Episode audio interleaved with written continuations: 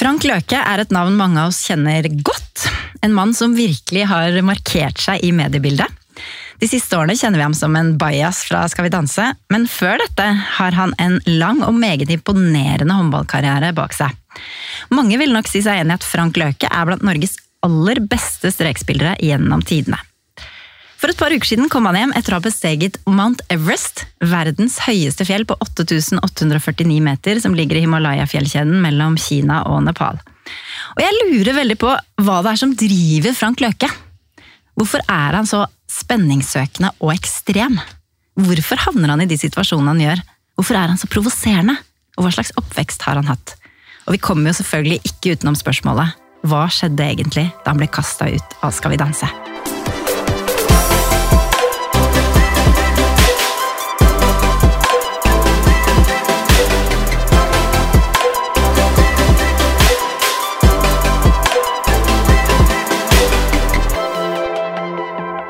Løke, velkommen. Takk for det. takk for det. Så hyggelig å ha deg her. Ja, Hyggelig å få komme. Hvordan går det? Det går veldig bra. Eh, Jeg koser meg. Eh, Det er sommer. Jeg har akkurat besteget verdens høyeste fjell. Der sto jeg faktisk og så ned på alle. Det var helt konge. Jeg er veldig fornøyd med det. Tenk det, Hva er det som får deg til å finne ut at nå har jeg lyst til å bestige Mount Everest? Det er guttedrømmen. Etter jeg skilte meg for eh, ja, ca. tre år siden, så åpna det seg en helt ny verden for meg. Eh, Så jeg anbefaler alle å skille seg. Neida. Men eh, da skulle jeg realisere, realisere guttedrømmen. Eh, Alle har et forhold til Mount Everest. Alle veit hva det er. Det første du lærer på, på skolen i geografitimen, er at hovedstaden i Norge er Oslo, og at verdens høyeste fjell er Mount Everest. Så jeg hadde veldig lyst til å bestige det. Og jeg har sett, jeg har sett meg ut forskjellige ting eh, i verden som jeg har lyst til å gjøre. Og en av de var å bestige det fjellet. Åh, det må vi snakke masse om eh, litt senere i intervjuet. Men du, du bor jo vanligvis i Sandefjord, Ja. gjør du ikke det? Jo. Og nå er du i Oslo fordi du har vært med på et løp. Vi var med på en sånn multisportkonkurranse i går. Eh, Sykkel, som vi selvfølgelig vant. Selvfølgelig. Ja, Multisport er de best trente og mest allsidige, da. Så det skulle nesten bare mangle at ikke jeg og lagkompisen min Pekka vant den. Så Men når du har den tonen du har som er sånn, som vi selvfølgelig vant, så, er det, så sitter vi nå, og du har et sånt smil om munnen som er veldig koselig smil, egentlig. Hvor du er sånn eh, Du vet at du er litt lite ydmyk, men du sier det likevel. Men hva er det med deg som gjør at du har lyst til å være så lite ydmyk, på en måte? Er det bevisst, eller er det Hva tenker du rundt det? Mm, Jeg veit ikke. Vi er en stor familie, da. Vi har hatt veldig Vi er syv eh, søsken. Veldig konkurranseinstinkt. Og det er liksom om å gjøre å gni det litt inn hvis du vinner. Det ligger vel kanskje litt der. Og spesielt meg og søstera mi Heidi, som har vunnet en del. OL, VM, EM-gull. Fem ganger Champions League-vinner. Vi har en sånn veldig konkurranse på, på hva som skal stå først på peishylla hjemme hos faren min. For faren min har en peishylle der alle medaljene til alle i familien står. Så faren min nå, sa faktisk nå at Mont Mount Everest-sertifikatet som jeg får nå om en uke, det skal faktisk gå foran hennes OL-gull. Ja. Så det gleder jeg meg til. Det blir en stor dag for meg og for de andre i familien. ja så hele gjengen har liksom drevet med konkurranse og idrett alltid? Nei, vi er litt eh, Det er litt blanding, men de to søstrene mine veldig, var veldig aktive. Heidi er aktiv ennå. Lise Løke og Heidi Løke. Ja. Ja. De har jo begge vært uh, Lise var også på landslaget en liten periode. Men hun er litt for lik søstera si, og litt dårligere. Selv om hun har vært Norges nest beste strek i mange mange år, så har hun egentlig aldri fått eh, vist det. da. Det er litt synd, for hun hadde samme etternavn. Og litt dårligere enn Heidi. Men, eh, og de andre, en andre i flokken har egentlig funnet sine forskjellige felt. Vi har en forsker, vi har en uh, nevropsykolog, vi har en, uh, en kunstner, vi har en uh, sånn IT For dere er syv barn. vi har syv barn. En stor gjeng, og det har vært veldig konkurranse, og da blir man litt med at vi kjemper om alt. Hvem får tvi banantvisten? Det var kamp om den. Det var om å gjøre å gni det inn, og det sitter kanskje litt fra den tida der, tror jeg. At vi Så jeg er kanskje litt mer ydmyk egentlig enn det jeg viser, da. Så, men de som, de som skjønner meg, de skjønner meg. Så, men det er mange som spør meg at faen, du er jo hyggelig òg. Du har virka som en sånn arrogant drittsekk, men når du prater med meg, så får jeg et annet inntrykk, da. Ja, det kan jeg bekrefte. jeg har en spalte i denne podkasten som heter Wikipedia. Der jeg leser fra gjestens Wikipedia-side, så ligger det litt musikk under. Okay. Så en liten biografispalte, kan du si. da. Ja. Så jeg tenkte jeg skulle lese fra din, og den er jo ganske lang. Ja. Eh, Har du tålmodighet til å, gå gjennom den? Ja, den eh, Hvis du googler meg, så får du fram mye rart. Ja, det er sikkert masse som mangler også, men eh, jeg tenker vi bare kjører det som står på Wikipedia i dag. Ja. Ok. Frank Løke, født 6.2.1980 i Sandefjord, er en norsk tidligere håndballspiller og TV-personlighet. Han var strekspiller og spilte sist for Runar håndball i Eliteserien. Du får bare stoppe hvis det er noe som er helt gærent. da. Han deltok i TV 2 reality-serien Farmen kjendis i 2017. I 2018 deltok han i Skal vi danse, men ble etter en helhetsvurdering fra TV 2 tatt ut av programmet etter han opptrådte i en Borat-drakt. Da ble det også klart at han ikke fikk delta i Kjendis søker kjæreste, en annen TV 2-produksjon som skulle komme til høsten 2018. Og det er jeg veldig glad for, at jeg slapp det. Ja, det skal jeg være glad for. Løke begynte karrieren i idrettslaget i Sandefjord. I 1999 og 2002 ble han norgesmester med klubben. I 2003 gikk han til den tyske klubben SV Post Schwerin, er det riktig? Ja. Der han skåret over 200 mål i sin første sesong. Klubben rykket opp, men Løke forlot klubben til fordel for den, for den danske klubben FCK Håndball. Han hadde kontrakt med den tyske storklubben SG Flensburg Handewitt, som andre Johnny, Johnny Jensen spilte i. Fra 2005 til 2007 var han utlånt til den sveitsiske klubben Grasshopper Klubb Zürich. Han ble i 2007 utlånt til SMC Amcitica. Altså Her er det mange navn, så Ja. Det kan bli feil. Eh, men vi skjønner tegning her. Altså, det er mye, Jeg vet nesten ikke om jeg trenger å lese på alt det, men EHF her er det noe interessant. EHF ila Løke en bot på 10 000 euro og suspenderte ham fra internasjonale klubbkamper i ni måneder for å ha skrevet kontrakt med to klubber, noe som er brudd på forbundets regelverk. Det skal jeg høre litt mer med deg om snart. I 2010 ble han utleid Nei, okay. I 2010 ble han utleid fra RK Zagreb til 1000 Lübecke, som spiller i tysk Bundesliga. Han debuterte for klubben 17.2.2010. I 2015 kom Løk tilbake til Norge, der han spilte for Drammen håndballklubb en halv sesong. Fra 2016 har han kontrakt med Runar håndball. Frank Løke debuterte på landslaget 6.1.2001 og har spilt 167 landskamper for Norge. Han var en av lagets sentrale spillere under EM 2008, der han ble kåret til beste strekspiller. Han deltok også i VM 2005, EM 2006, VM 2007, VM 2009 og EM 2010. Frank er storebror til Heidi Løke, som spiller for Vipers Kristiansand, og Lise Løke, som spiller for Larvik. Han ga seg med håndballen i 2016. Ja. Hvordan er det å se tilbake på en sånn håndballkarriere? Nei, jeg har hatt det utrolig gøy med håndballen. Eh, men det er en boble, og det er, ikke, det er så mye annet der ute. da.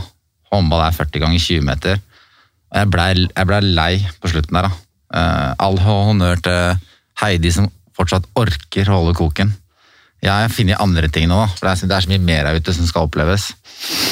Og spesielt da klatring og alle, triatlon alle de konkurrerer multisport og svømming og alt det andre jeg er med på nå. Så jeg har funnet noe annet. Håndball er en boble. Det var utrolig gøy. Og jeg ville ikke vært foruten de årene. Men eh, ja, det er så mye annet der ute nå, så jeg savner, jeg savner faktisk ingenting. Jeg veit hvor vondt det var, og hvor mye det kosta all den treninga. Selv om jeg trener mer nå, men jeg trener på en annen måte. Da. Veldig mer, mer behagelig måte. Så, så jeg, jeg, hadde, jeg hadde gøy, men jeg savner ikke. Vi hørte jo i Wikipediaen at du en gang ble suspendert fra kamper i ni måneder etter å ha skrevet kontrakt, angivelig, da, med to klubber samtidig. Hva, hva var det for noe? Nei, det, ble, det løste seg. Det var bare at eh, det var eh, litt krangling. Siden jeg var leid ut og greier, så var det litt krangling mellom to klubber. Så det ble tatt gjennom eh, EOF. Men det, det løste saken, jeg fikk spille, så det var ikke noe det, det, det står jo ikke der, men sånn er det. Men hvorfor havner du i sånne situasjoner, tror du? Nei, akkurat det der var jo ikke noe spesielt. eh, Det var bare at klubbene ikke ble enige. Og da ble på en måte mitt navn ja, Siden det var meg det gjaldt, så var det, det er meg de skriver om. da. Så Ja. Det var ikke noe dramatikk i det der, egentlig. Det, det løste seg. Det løser seg alltid på sånne ting. da. Så jeg fikk spille, så det var ikke noe problem. Vi snakket jo om oppveksten din, eh, som jeg har lyst til å snakke mer om. fordi når man ser tilbake på livet ditt da, og den familien du kommer fra, Ja. så er det jo kanskje ikke så rart at eh, jeg holdt på å si at det gikk som det gikk. Vi skal tilbake til Sandefjord i 1980. Du blir født da i februar i 1980 i Sandefjord. Mm. Kan ikke du bare beskrive, Du sa jo litt om det i stad, men beskriv familien din og oppveksten din. Vet du hva, vi har en far som har jobba tre jobber. Mor var hjemme, vi hadde mange barn. Passa på barna. Faren min jobba tre jobber for at vi ikke vi skulle mangle noe. Så kjempe, et kjempeforbilde.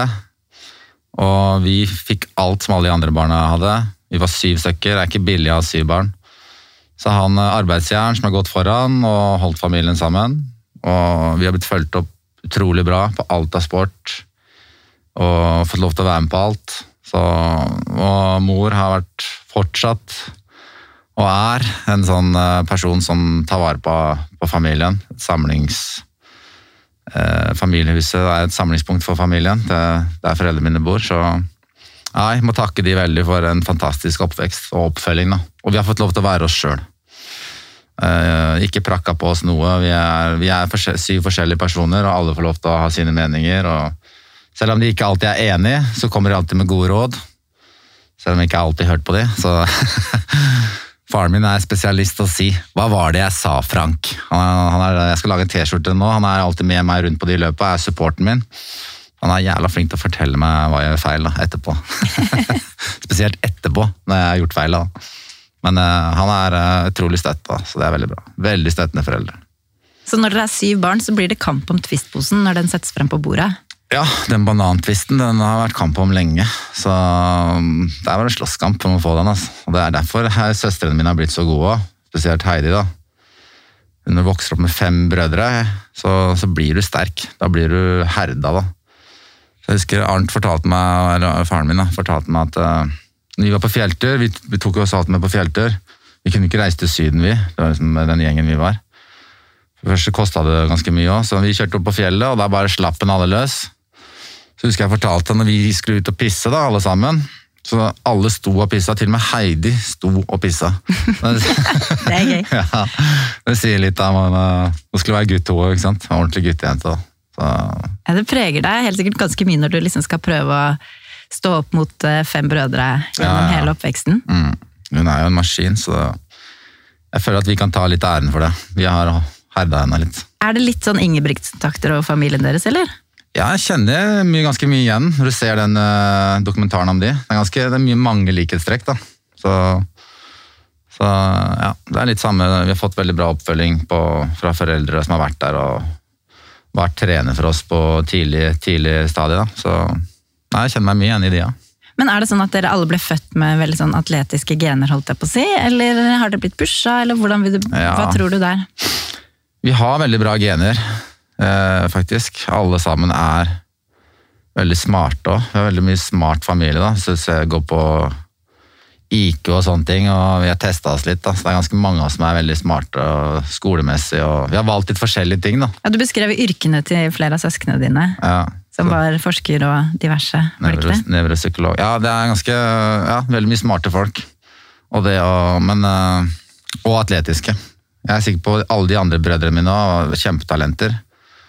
Men så var det sikkert det at grunnen til at de ikke fortsatte med idrett, var at jeg var på en måte best. Og jeg var veldig Jeg var barnestjerne, og det er ikke alle som er, er barnestjerner og blir sånne stjerner på når jeg er eldre òg. Noen blir jo barnestjerner pga. at de er kanskje tidlig ut, utvikla eller et eller annet. Store høyder. Eller, eller sterke ganske tidlig. Og så blir du tatt igjen på et senere tidspunkt, og da er plutselig ikke idretten din gøy mer. Mens jeg var god hele veien. da. Og jeg tror kanskje, jeg husker jeg på broren min, da, vi hadde en konkurranse en gang. Han slo meg alltid på løping. Det var han forskeren. Mm. Uh, og han, uh, Så var det en gang jeg slo han. Førstemann hjem, da, så var jeg alltid faren faren vår tok med oss på løpetur. Så var det alltid spurt, da. Og den gangen jeg slo han, så var han aldri med mer. Nei, da, Han ble så forbanna, liksom? Ja, ja, ja. men da, da, begynte han å satse han på studier og, og istedenfor. Så han slutta den gangen jeg slo han. da. Men det, det var, sier litt. Han bare ja, ja. Er, så er jeg best, eller så gidder jeg ikke. Ja, Så ble jeg slått av meg. Jeg gnidde selvfølgelig ordentlig inn. Men det, det er, da fant man han fant sitt område å være best på. da.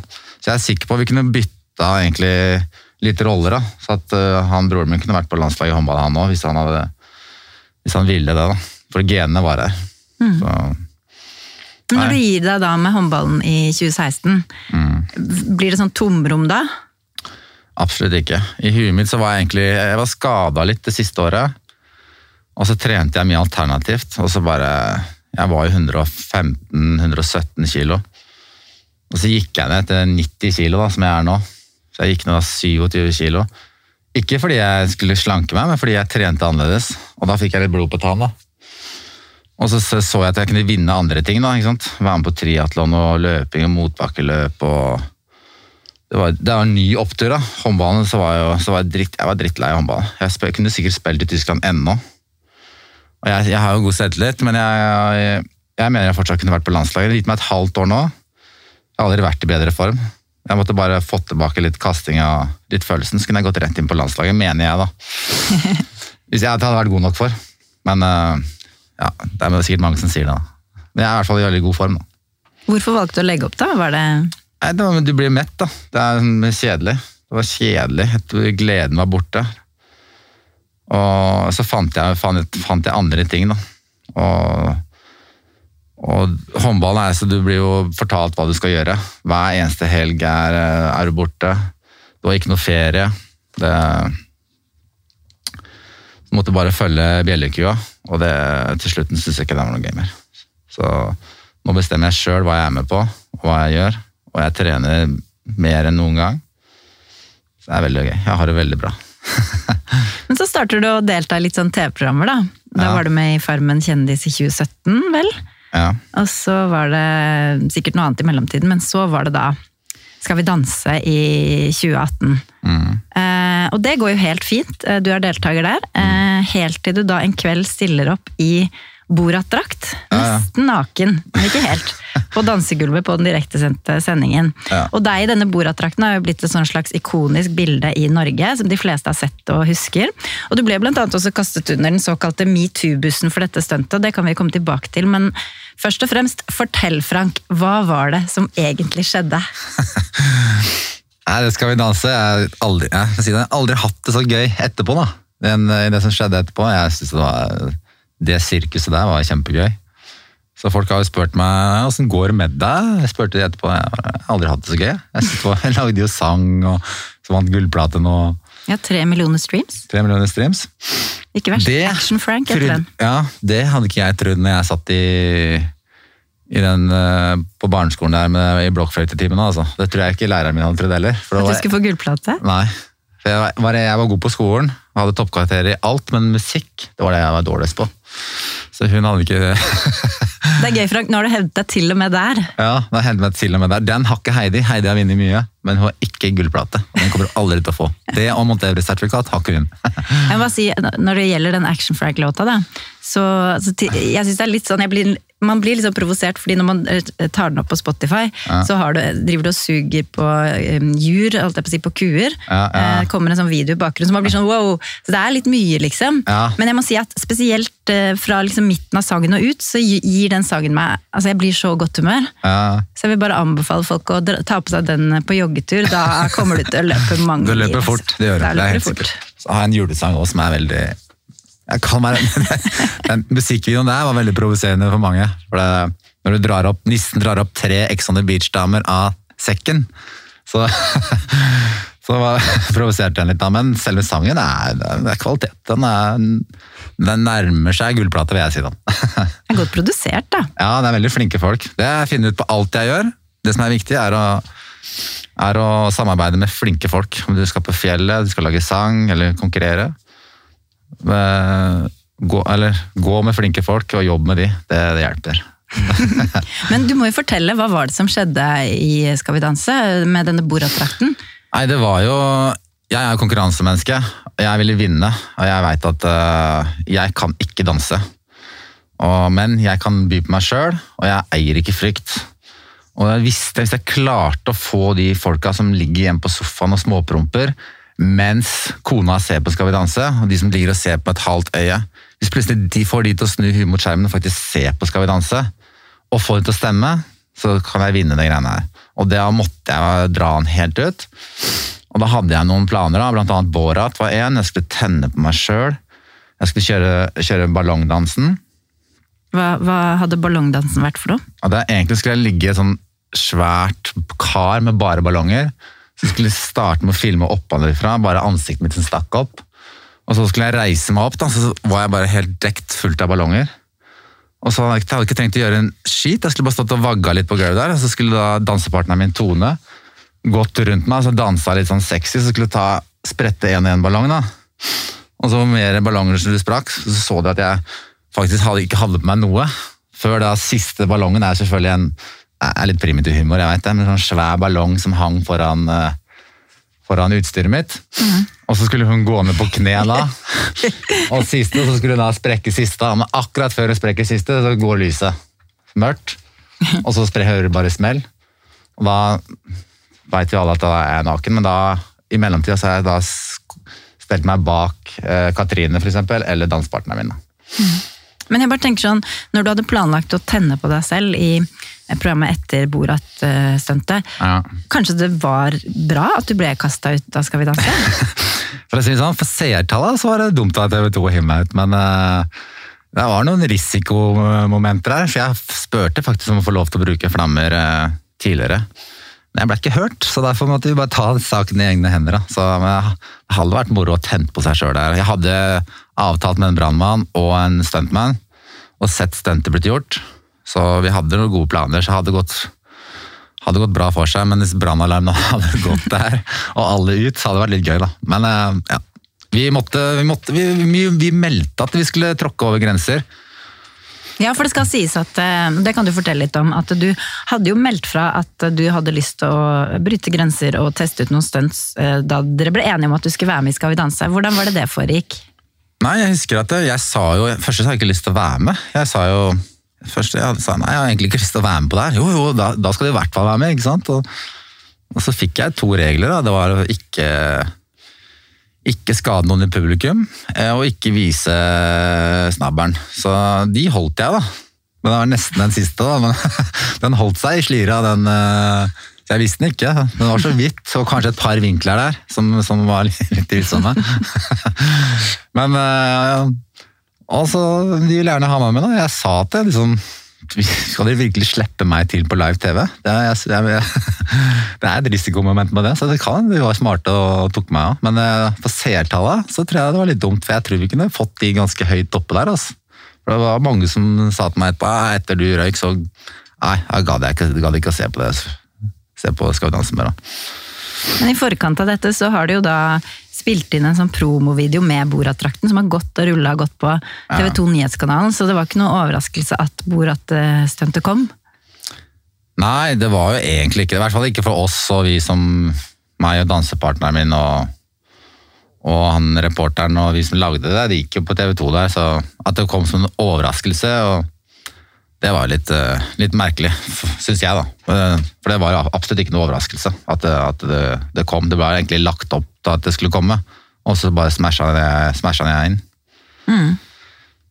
Så Men eh, altså det der at du ble kasta ut og ikke fikk fortsette sånn, det har jo ikke gått så hardt eh, inn på deg, og kanskje var det en riktig avgjørelse. Hvem vet, i forhold til flammer og sånn, man vet jo aldri, det kan jo være vanskelig det, ikke sant. Litt skummelt. Brent ned det studiet, jeg, så. ja, ikke sant. Det, så kanskje det var riktig gjort. Men det jeg kanskje bet meg mest merke i når det gjaldt denne saken, da, eh, ja. det var at uh, du ble kasta under den såkalte metoo-bussen. Altså Det ble liksom kommunisert ut at du fremstår på mange måter litt som om du hadde begått et såkalt metoo-overgrep. Mm. Da ble du litt sånn persona non grata for hele Medie-Norge. Var ikke ønsket noe sted, fikk ikke komme på et eneste intervju. Og det vet jeg, for jeg jobbet i ulike redaksjoner i den perioden der. Um, mm. Og nå er jo ikke jeg noen ekspert på dette feltet. Men eh, jeg har liksom hatt en oppfatning av at eh, det ofte er litt andre situasjoner det egentlig dreier seg om. da. Eh, og Noe av problemet med metoo er jo gjerne at det er helt usynlig. Det er vanskelig å sette fingeren på. Det kan forgreine seg ut i mange ledd, og det kan oppstå synergier som igjen blir til korrupsjon.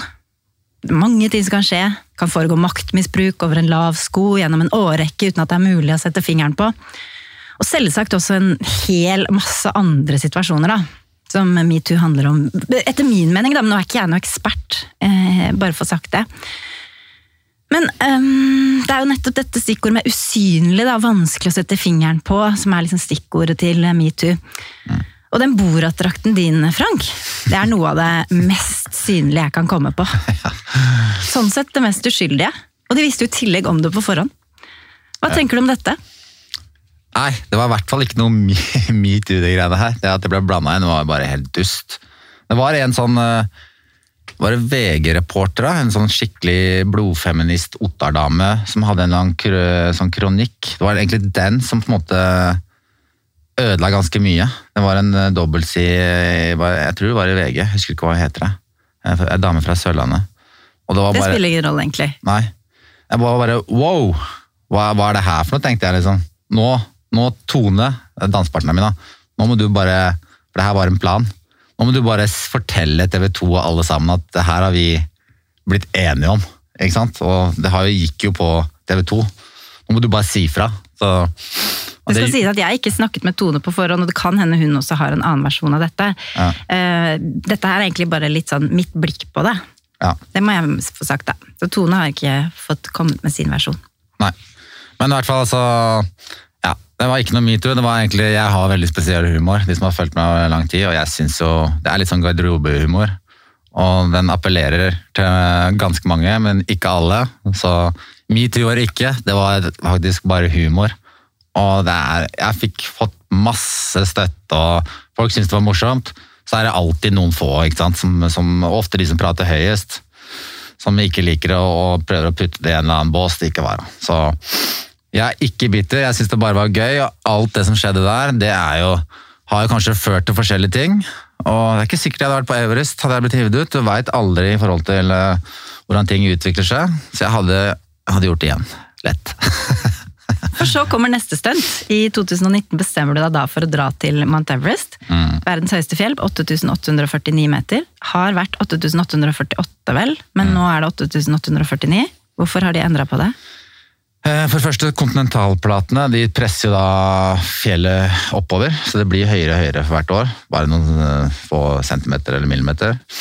Men eh, de har, Tibet, altså den regionen i Kina, har jo aldri vært og Nepal har jo aldri vært enige om egentlig hva, hvor høyt det er. Det er egentlig 8848,86, men de runder av oppover, og nå har de begge to blitt enige om at det er 8849. Da. Så jeg kan si at jeg var den første i Norge som var på, på den høyden.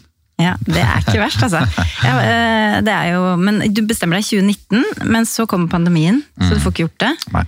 Og så allikevel så setter du i gang under pandemien, og det fikk du jo litt kritikk for. Hva var det som skjedde der? Ja, det, det irriterte meg litt. Jeg er faktisk sjelden jeg gidder å bry meg om hva journalistene skriver, og sånne ting, men det bare irriterte meg. Nå husker jeg heller ikke om det var VG eller Dagbladet. Jeg tror det var VG, faktisk. Jeg var allerede på nødvendig jobbreise i UK, i England, helt syd. Og så, husker du rundt påsketider, og etterpå så sier jo Erna Solberg hvis du jobber i utlandet, ikke reis hjem. Bli i utlandet. Så og så var det da Det betyr at jeg fulgte reise, et reiseråd uten at Ikke sant? Og da tenkte jeg, vet du hva, jeg er ikke velkommen hjem, nå er jeg nesten ferdig her, vet du hva, nå, nå hører jeg med sjefen min om det er greit. Og han ga meg tommelen opp, og reiste jeg til Himalaya. Og så tok jeg, tok jeg det fjellet da, som jeg hadde, jeg hadde drømt om siden jeg var liten. da. Men så er det en eller annen idiot da, som da spør Nakstad hva syns du om Frank Løkes Everest-tur. Så sa jeg ok, hvor interessant er egentlig det? Men i hvert fall legg fram historien, da, at jeg allerede var i utlandet og ikke, fikk beskjed om å ikke komme hjem, når du faktisk gidder å spørre Nakstad om det. Og han svarer alltid på generelt basis, han er veldig flink. Så, så jeg fulgte faktisk reiserådet. Kan du si hva du vil om at du reiser rundt i verden og er ute, da, men jeg var faktisk ute og fulgte alle reglene. Du kan i hvert fall si det, da, for det liksom, jeg tenkte det er dårlig overfor mine sponsorer at det høres ut som jeg har brytet alt og bare stikker ut. Jeg var allerede ute, da. Så jeg ville bare få fram det. da, at du i hvert fall Si det i saken. At du ikke skriver i hvert fall Endre saken og si at jeg i hvert fall var i utlandet. Og var ikke vel velkommen hjem til Norge. Så, ja, ja. Men hvordan var det å bestige Mount Everest, Frank? Du må få fortelle. Nei, det var faktisk så rått som jeg hadde trodd. da. Det var helt sykt. Jeg kom opp på toppen her. Det... Hvis, du, hvis du leser og googler og ser alle dokumentarene om Mount Everest, det eneste de snakker om er avklimatisering. Det vil si at du går høyt og sover lavt. Du bruker lang lang tid på å komme deg oppover i fjellet, og så overnatter du på, på noen høyder, så går du tilbake på lavere høyder for å hvile. Og det gjør du faktisk opptil tre-fire uker. Hun andre norske som var her nede, hun brukte nesten 50 dager på å komme seg opp på toppen. Jeg brukte 22 dager og satte norsk rekord. Det er ingen som har gått så fort opp. Og jeg gikk aldri tilbake. Det, var, liksom- det er helt sjukt egentlig når jeg tenker tilbake på det nå. Og han Sherpaen har også sagt til meg han Han har aldri opplevd det før, da. men de, vi måtte ta en sjanse, for jeg tre, kom tre uker etter alle de andre. Og han, eh, laglederne våre, vi var fem klienter, han så at vet du hva, nå er det korona her. Det kan, de kan hende stenge basecamp. Vi måtte bare komme oss kjappest mulig opp. Det er 410 betalende kunder. Alle har sett bildene fra 2019 med lang kø oppover. Da var det 390 betalende klienter. Så vi måtte bare smi, komme oss kjappest mulig opp. Første mulighet når jeg satt her til toppen, og bare komme seg av gårde og, og, gå opp. Og det gjorde at uh, alle regler som man burde følge i forhold til avklimatisering, jeg brøyt dem alle. Det skulle ikke egentlig vært mulig for meg å komme opp da. Ja, men det er, er, det er, ikke det ulovlig, da? Nei, nei du kan Det er opp til en selv? Opp til en sjøl, ja. Men risikoen, egentlig nei, Det er egentlig livsfarlig det å gjøre, da. I forhold til, men Hvorfor er det så viktig for deg å gjøre det, da? Nei, det, det er jo toppverdens høyeste fjell. Da. Det er jo det er, gutte, det er et mål. da. Det er, ja, men å gjøre det på, altså, så kjapt? Nei, det, det, var ikke, det, var ikke, det var ikke viktig i hele tatt, men jeg måtte bare følge laget. Og ja. han tok avgjørelsen, han sjefen, at du er fit nok. Vi tror det går. Så det beste det, dette, er jo, dette er jo risikabelt i form av at du kan jo faktisk eh, Det kan jo gå riktig gærent. Ja, det kunne gått. Jeg kunne fått høydesjuken der oppe og gått tom for oksygen. Jeg kunne ikke sant? Da hadde jeg, det er ganske mange som ligger der, mange tapper og tøffe karer som ligger på det fjellet der. så jeg følte, jeg, jeg gikk på halv maskin. Det er derfor jeg veit når jeg skal ha på K2 neste år. K2 er da verdens nest høyeste fjell, som anses som enda farligere enn Mount Everest. Det er et av verdens farligste. Det er vel det som nest flest dør på. det, det ligger i Pakistan. Ja. Og så, dit skal du neste år? Neste år eller 23. Så jeg håper neste år. Og det Mount Everest er noe du forteller barnebarna dine. Det er en fantastisk historie. Mens eh, K2 er altså fjellklatrenes fjell. De tøffeste gutta går på Mount Everest. Da skal jeg opp dit. Nei, jeg går på K2. Derfor skal jeg opp dit. Hva syns foreldrene dine for eksempel, om et sånt type stunt som dette? Jeg klarte å snu dem til å, til å heie på Mount Everest. Det var faktisk litt viktig for huet mitt da, når alle heier på deg. Når uh, arbeidsgiveren din når familie, når barna dine, når alle, du har alle med på laget, så måtte det bare gå, da.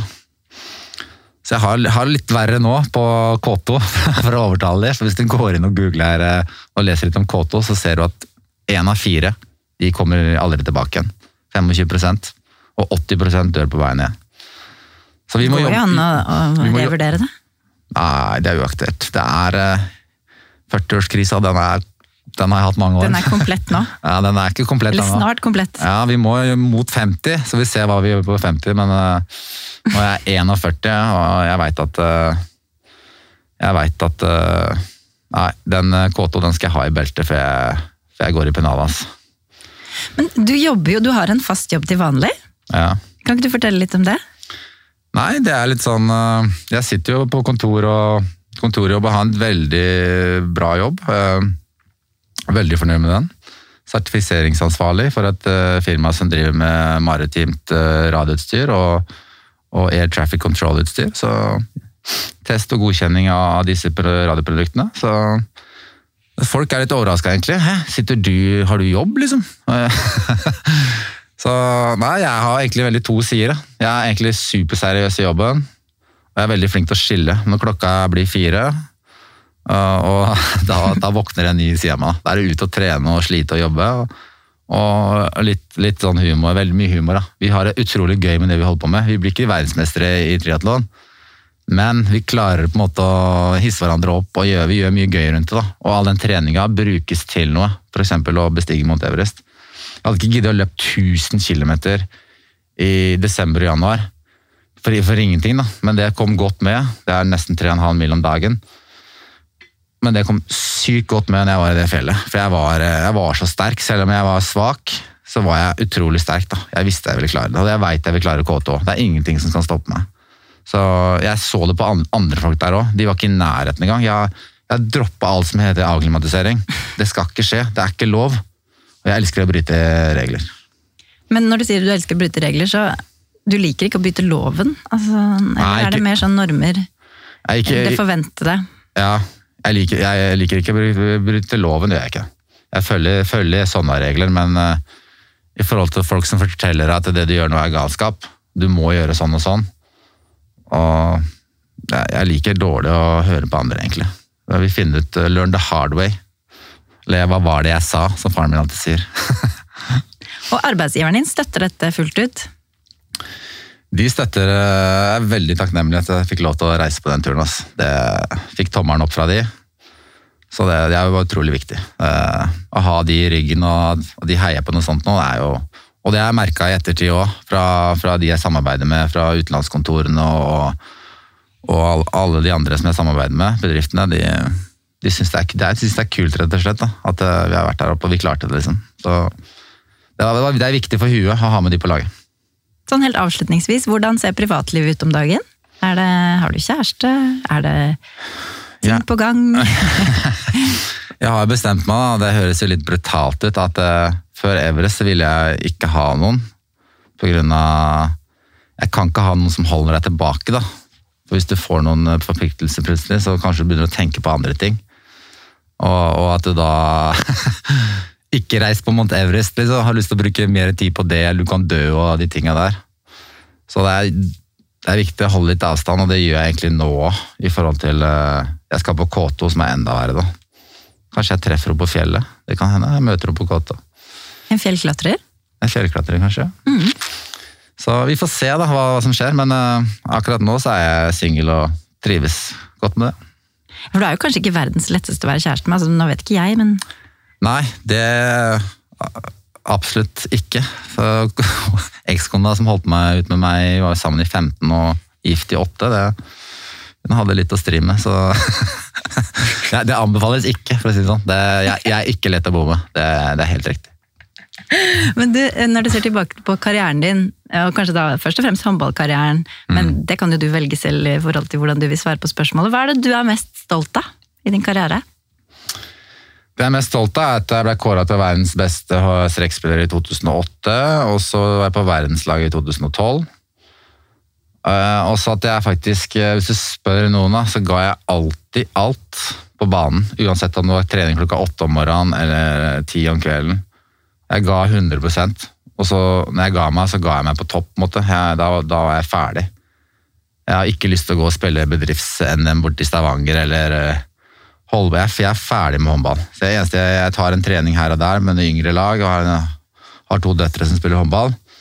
Som jeg, når koronaen liksom åpner, åpner for det igjen, så skal jeg hjelpe de å trene de litt innimellom. Men utover det så, så er jeg ferdig med håndballen. Men jeg hadde det utrolig gøy. ass. Alle de historiene som, eh, som jeg, Noen av de må jeg ta med i grava, faktisk. Men, eh, men, men alt det som skjedde, skjedde på tur med oss, det var jo med oss. Vi var jo nesten landslaget fra ca. 2000 til 2010. Så det er, det er veldig lett å se på ettertida. Vi hadde gode enkeltspillere, vi òg. Jeg, jeg vil si at vi hadde like bra enkeltspillere som de har nå. Vi hadde ikke Sander Sagosen, da, sånn som de har nå, men eh, det er veldig lett å si hvorfor vi ikke lykkes. Det var nettopp pga. seriøsitet. Vi var ikke seriøse nok før og etter kamp. Vi var fightere i kamp, men, men eh, før og etter. Vi var ikke så flinke til å se video. Eh, Nå snakker jeg for meg sjøl, jeg veit at det var andre som var litt som meg òg. Men eh, når kampen kom, så ga vi alt. da. Og så var det litt for mange divaer. Jeg var en av de. Kjelling, Tvetten. Du hadde flere som, som eh, tok stor plass og ville ha ballen i siste sekund. Mange ville avgjøre. Og i tillegg så de, det er laget, Nå går laget foran med stor L. ikke sant? Alle jubler, alle heier på hverandre. Men hos oss så var det litt mer meg, meg, meg, meg. Og det, og det var det ene målet. da. Vi hadde jo ballen tre mesterskap på rad. I siste sekund skårer vi nå, så går vi til semifinale og spiller om ballen. Og så etter, da, vi var ikke ikke sant, Det er banan og løpe ut. og sånt. Vi tok en pils på rommet vi, og, og, og slappa av, liksom. Vi tenkte, og tenkte bare ja, Vi skrur på knappen igjen i morgen, det er en ny kamp. Så vi var, Det var ikke så nøye med oss, da. Jeg tenkte det, det har Kristian Berge vært utrolig flink til. da. Få litt inn av den kulturen som er på damelandslaget. Jeg husker Heidi fortalte meg at eh, de må, måtte rekke opp handa og spørre er det greit vi, er det greit vi tar en brus, får en brus nå, liksom, nå under Marit Breivik. da. Det var liksom de var redd-. Ja, hun, var, hun var en, hadde ett barn måtte spørre da om å få lov til å drikke brus på samling. Da har du klart å skape et eller annet superseriøst, og alle- jentene som kommer inn der, de blir på en måte dratt med. da, ikke sant? Det er bare sånn det er. Hos oss det var liksom der var det pils, og vi kosa oss, vi på rommet. Det var jo ikke lov, da, men eh, ja, vi var, tøyde jo reglene litt. da. Men vi, de gutta jeg var sammen med, de hadde tatt med meg i krigen. altså. Vi, vi var fightere, og vi hadde det utrolig gøy. og vi, vi var jo gode og vi var jo seriøse på mange ting, men det var mange småting. da, Hvis du skulle gå inn og ta og se hvorfor vi ikke lykkes helt. Nei, men det var jo likevel et stjernelag, vil jeg si. Det var et stjernelag, men vi fikk ikke satt det på en måte sammen. da. Vi fikk ikke det laget med stor L som de gutta har nå. Og så har de jo Sagosen. Litt mye Borat og litt lite håndball, ja. hvis du skjønner hva jeg mener. ja, vi var jo Vi lagde jo overskrifter, vi òg, men det var Det blir litt sånn Ikke alltid de var Det var ikke alltid med en pokal, sånn, men eh, det var, var mye, mye gøy vi fant på. Altså. Og det er noen som jeg sier, noen av de historiene der, de, kanskje de kommer i en bok om, om ti år. Men akkurat nå så er de ikke modne for dagens lys ennå. Men eh, nei, vi hadde det gøy. Ja, en Færøyene-episode. Det er mye rart som skjedde. Færøyene, Jeg Fortell, da. Nei, jeg, kan ikke, jeg kan ikke fortelle jo tid, dette er podkast, det er ingen, eh, ingen regler her heller. Jeg kan ikke fortelle Færøyene-historien. Da vil du se på meg annerledes etterpå. Ja, jeg skjønner. Ja, For nå har du et ansvar, nå etter jeg har løfta deg opp gjennom dette intervjuet, til å Ja, nå er det Jeg har faktisk eh, Man blir jo mer og mer du. Ja, man blir jo mer og mer voksen, og, men jeg har litt av den samme humoren ennå. Jeg syns den garderobehumoren og det er, det den primitive, jeg synes det er litt gøy. Ja. Det, det, Det må være lov, tenker jeg. ja, er Herregud, folk må ha litt humor da, folkens. ja, så er det litt sånn kjedelig nå. Til og med hu, nei, de, de komikerne må passe på hva de sier nå. Det er ikke lov til å kødde om ting mer. så er liksom, alt er Ja, er du litt sånn Ja, du syns det er litt krenkehysteri? Ja, det er mange som syns det. det er, vi må liksom være lov å si fra at nå er det nok. Nå får folk eh, Du får få lov til å tulle med dialekter og med forskjellig ja, Tulle med folk uten at det, det går på Hvis du tuller med en som er homofil, så for eksempel, da, så, så er du ikke homofob, eller du henger ikke ut noen, eller hvis du, du må få lov til å dra en vits uten at du skal få hele gjengen etter deg, liksom. Det, Og særlig fordi at de som virkelig tuller med folk, holdt jeg på å si, eller gjør alvorlige ting, de, ja. de hører vi ikke om. Nei, så jeg syns at eh, det er litt for mye krenkorama ute og går nå. Men eh, det som er viktig for meg, er at man behandler alle likt og er rettferdig. Og likestilling er utrolig viktig for meg, men jeg er ikke på det nivået der at jeg bryr meg om de tinga der. Jeg vil bare at behandler alle kvinner og menn, og uansett legning, med respekt. Enig med deg, Frank. Ja. Ja. Og så, Det er gøy at du nå er fotball, nei, håndballfar og skal følge to døtre på banen. Hvordan ser du for deg deg selv som uh, trener, hvis det skikkelig går veien? Eller sånn uh, far på sidelinjen, er det et mareritt for de andre i, Uh, inne på stadion, holdt jeg på å si? Det er ikke det man sier? Ja, jeg har har trent, hjulpet litt med dattera mi før det koronaen. da, i forhold til, men nå er det Jeg er ganske streng, egentlig. Jeg gidder ikke å komme på det her trening hvis ikke jentene skal ha noe utbytte av det. Så jeg, det er veldig lite lek og sånne ting når jeg har vært der. Jeg, jeg kan ikke trene de 100% pga. da har jeg ikke mulighet til. Jeg, jeg har lyst til å være en ressurs. Når jeg først er her, så skal det være ordentlig. Og jeg følte at vi fikk en ganske bra, bra gjeng, og det var bra disiplin. Disiplin er også viktig. Så jeg går nok for å være streng, men, øh, men øh, jeg føler at jentene har noe igjen for det, da. Og det er viktig, da. Men øh, det er litt sånn jeg, kanskje, jeg hadde gjort meg bra hvis jeg hadde hatt en bra pedagog ved siden av. En som var veldig motsatt. Som var flink til å fortelle og trøste litt og sånne ting. Og, og hvis jeg hadde hatt, ja, Det er viktig å ha to stykker. ikke sant? En som er, en som er tydelig og, og hard. Men de har en mor òg, da. De har en mor òg. Så hun er litt, litt mildere enn meg, da. Så du blir, men blir du den Gjert Ingebrigtsen, tror du? Uh, nei, jeg ikke, ikke helt der. Men, eh, men eh, jeg veit jo hva som skal til, da. Og det kan være at man eh, Men du veit åssen det er. Det er, jo, det er jo lettere for Ofte skal er barna dine Hvis det kommer fra en annen person enn faren din, så, så hører du kanskje etter. Men hvis det er fra faren din, så er det litt sånn ja, Da skal jeg i hvert fall ikke høre etter. Det kan være litt sånn trass der, da. Så, men, men som sagt, jeg, jeg ønsker å bidra, jeg. og og jeg vet jeg kan hjelpe dem til å, til å komme langt. Vi er en håndballfamilie, så vi sitter på mye kunnskap. Så, men det er, ikke noe jeg, det er ikke noe jeg har lyst til å dele med Jeg har ikke lyst til å være trener for, for et annet lag enn en enn døtrene mine. Så. Det, jeg er ikke så motivert for å stå der med fløyta. Så jeg kunne vært trener, jeg har mye kunnskap om det. Og jeg ser mye feil, og jeg, ja. men jeg er ikke motivert for å stå, stå i en håndball. Eh, Det klister på hendene. Frank, det har vært eh, veldig hyggelig og underholdende å ha deg med. Gøy å bli litt bedre kjent med deg og lære deg å kjenne på en litt annen måte enn bare via Borat-drakten. Ja, den, eh, jeg har den. Den var faktisk med til Nepal. Det er det sykeste. Og, og jeg tenker, jeg syns ikke det er Jeg flyr ikke rundt i Borat hele tida. Jeg- Den blei jo starta med et veddemål. Og så var det det at jeg sykla Jotunheimen rundt, som er Norges tøffeste sykkelløp, med en. Og det er faktisk noe av det sykeste Det er det sykeste jeg har gjort. Det er, jeg har aldri fryst så Everest var bare en uh, tur i parken i forhold til det, den turen der. Da sykla jeg jo åtte mil. Av 43 mil sykla jeg åtte mil i minus fire. I. Borat? I Borat. Og jeg kom over Valdresfløya, og da, da var det 25% som brøyt av de vanlige syklistene, for det var for kaldt. De hadde, de hadde på seg lang-lang. Men de hadde, arrangøren hadde meldt at på det kaldeste skulle bli tre grader. Så ble det minus fire. Og 25% bryter, og da kommer jeg til et checkpoint. Det vil si at du kan gå av sykkelen og få noe å spise. Og da kom jeg, jeg klarte ikke. Jeg tok en kaffekopp, jeg klarte ikke å holde den. Ikke med to hender engang. Jeg- rista bare. Og så måtte jeg lene meg inntil veggen og støtte meg for å få i meg litt eh, kaffe. da. Og jeg kom i mål, Vi kom i mål etter 19 timer. Og, jeg, og så kom jeg dagen etterpå, så våkna jeg opp, så er beinet, låret mitt det er dobbelt så stort. Det ene låret. Og så drar jeg på legevakta. da, De bare 'Å, faen, her må du rett på akutten'. Jeg trodde det var sånn eh, Hva heter det for noe? Raptoalyse. Sånn at det er et stoff som eh, musklene skiller ut i blodet. Som er livsfarlig.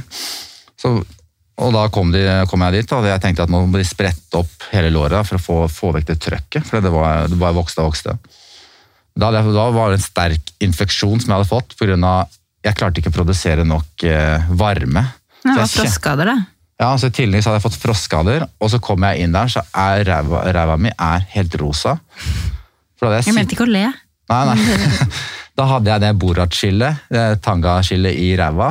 Og så hadde rumpa mi da, som vært bleik, fikk da ti timer med høyfjellssol. Så da lå jeg på magen der inne med et sånt kjempelår. Og de, de, når de tantene skjønte at jeg alt var frisk, da, de sykesøstrene holdt på å le seg i hjel. Der lå jeg der inne, og dens. jeg var helt rosa. Den der. Så, og frostskader, og nei, det så ikke ut. Da fikk jeg, da jeg baksida av Finansavisa, faktisk. Der står det bare der er det litt sånn alternativt. Det Der sto det 'Norges største idiot?' spørsmålstegn. Så jeg visste jeg skulle havne i Finansavisa, men da trodde jeg fordi et hedgefond jeg hadde starta eller gjort en bra investering, men eh, jeg trodde ikke jeg skulle få det pga. det der. altså. Men akkurat det der, Men den tittelen står du i. ja det gjør Du går ikke til grunne av den grunn. Jeg går ikke til grunne av den grunn. Men den, den opplevelsen jeg hadde der, det har gjort etterpå, så jeg aldri fryst. Aldri fryst etter det. På grunn av, jeg bare tenker tilbake, vet du hva, Frank? Det at du sykla over deg, husker hvis jeg mista det bakhjulet der, ved sykling er det viktig å holde bakhjulet, så fryser du i hjel. Du er nødt til å holde følge. Og jeg var så kald. Jeg, en eller annen måte så klarte jeg å komme meg sammen og sitte der. Og satt og rista. Satt jeg i 19 timer. Ja. Og, og etter det, å gå på Everest Jeg var ikke i nærheten av å fryse. Jeg bare tenkte tilbake på den turen der. Den bare gjorde meg så sykt mye sterkere. Jeg pusha det så Jeg pusha det, jeg havna jo på sykehuset og de greiene der, men allikevel å gjøre sånn gærne ting som det der, det gjorde bare at jeg var enda sterkere. da. Så nå, nå jeg, jeg fryser ikke mer. Hvor ligger Borat-drakten akkurat nå? Det var det jeg skulle fortelle. Det var jo at jeg var, var i Nepal. Jo, jeg spurte faktisk gutta der nede. Tok det opp med de. Altså Nepal nede, altså ved Mount Everest. Mount Everest, ja. Mount Everest, for de som er interessert, ligger jo på grensen mellom Nepal og Tibet. Ja. Eller Nepal og Kina, da. ja men de, de, de, Tibet er ikke et land, en del av Kina. Ja. Det skal sies. En religion ikke. Ja. De, de, de deler fjellet. Men jeg spurte sherpaene mine. For hvis jeg skal kjøre Boraten igjen, så må jeg overgå om 800 000 seere. ikke sant? Det må jo, det, kunne, hvis jeg kjører Borat på Everest, så snakker vi i forsida av The Times. ikke sant? Det, det, det eneste jeg tenkte på. Og jeg tok opp med sherpaene.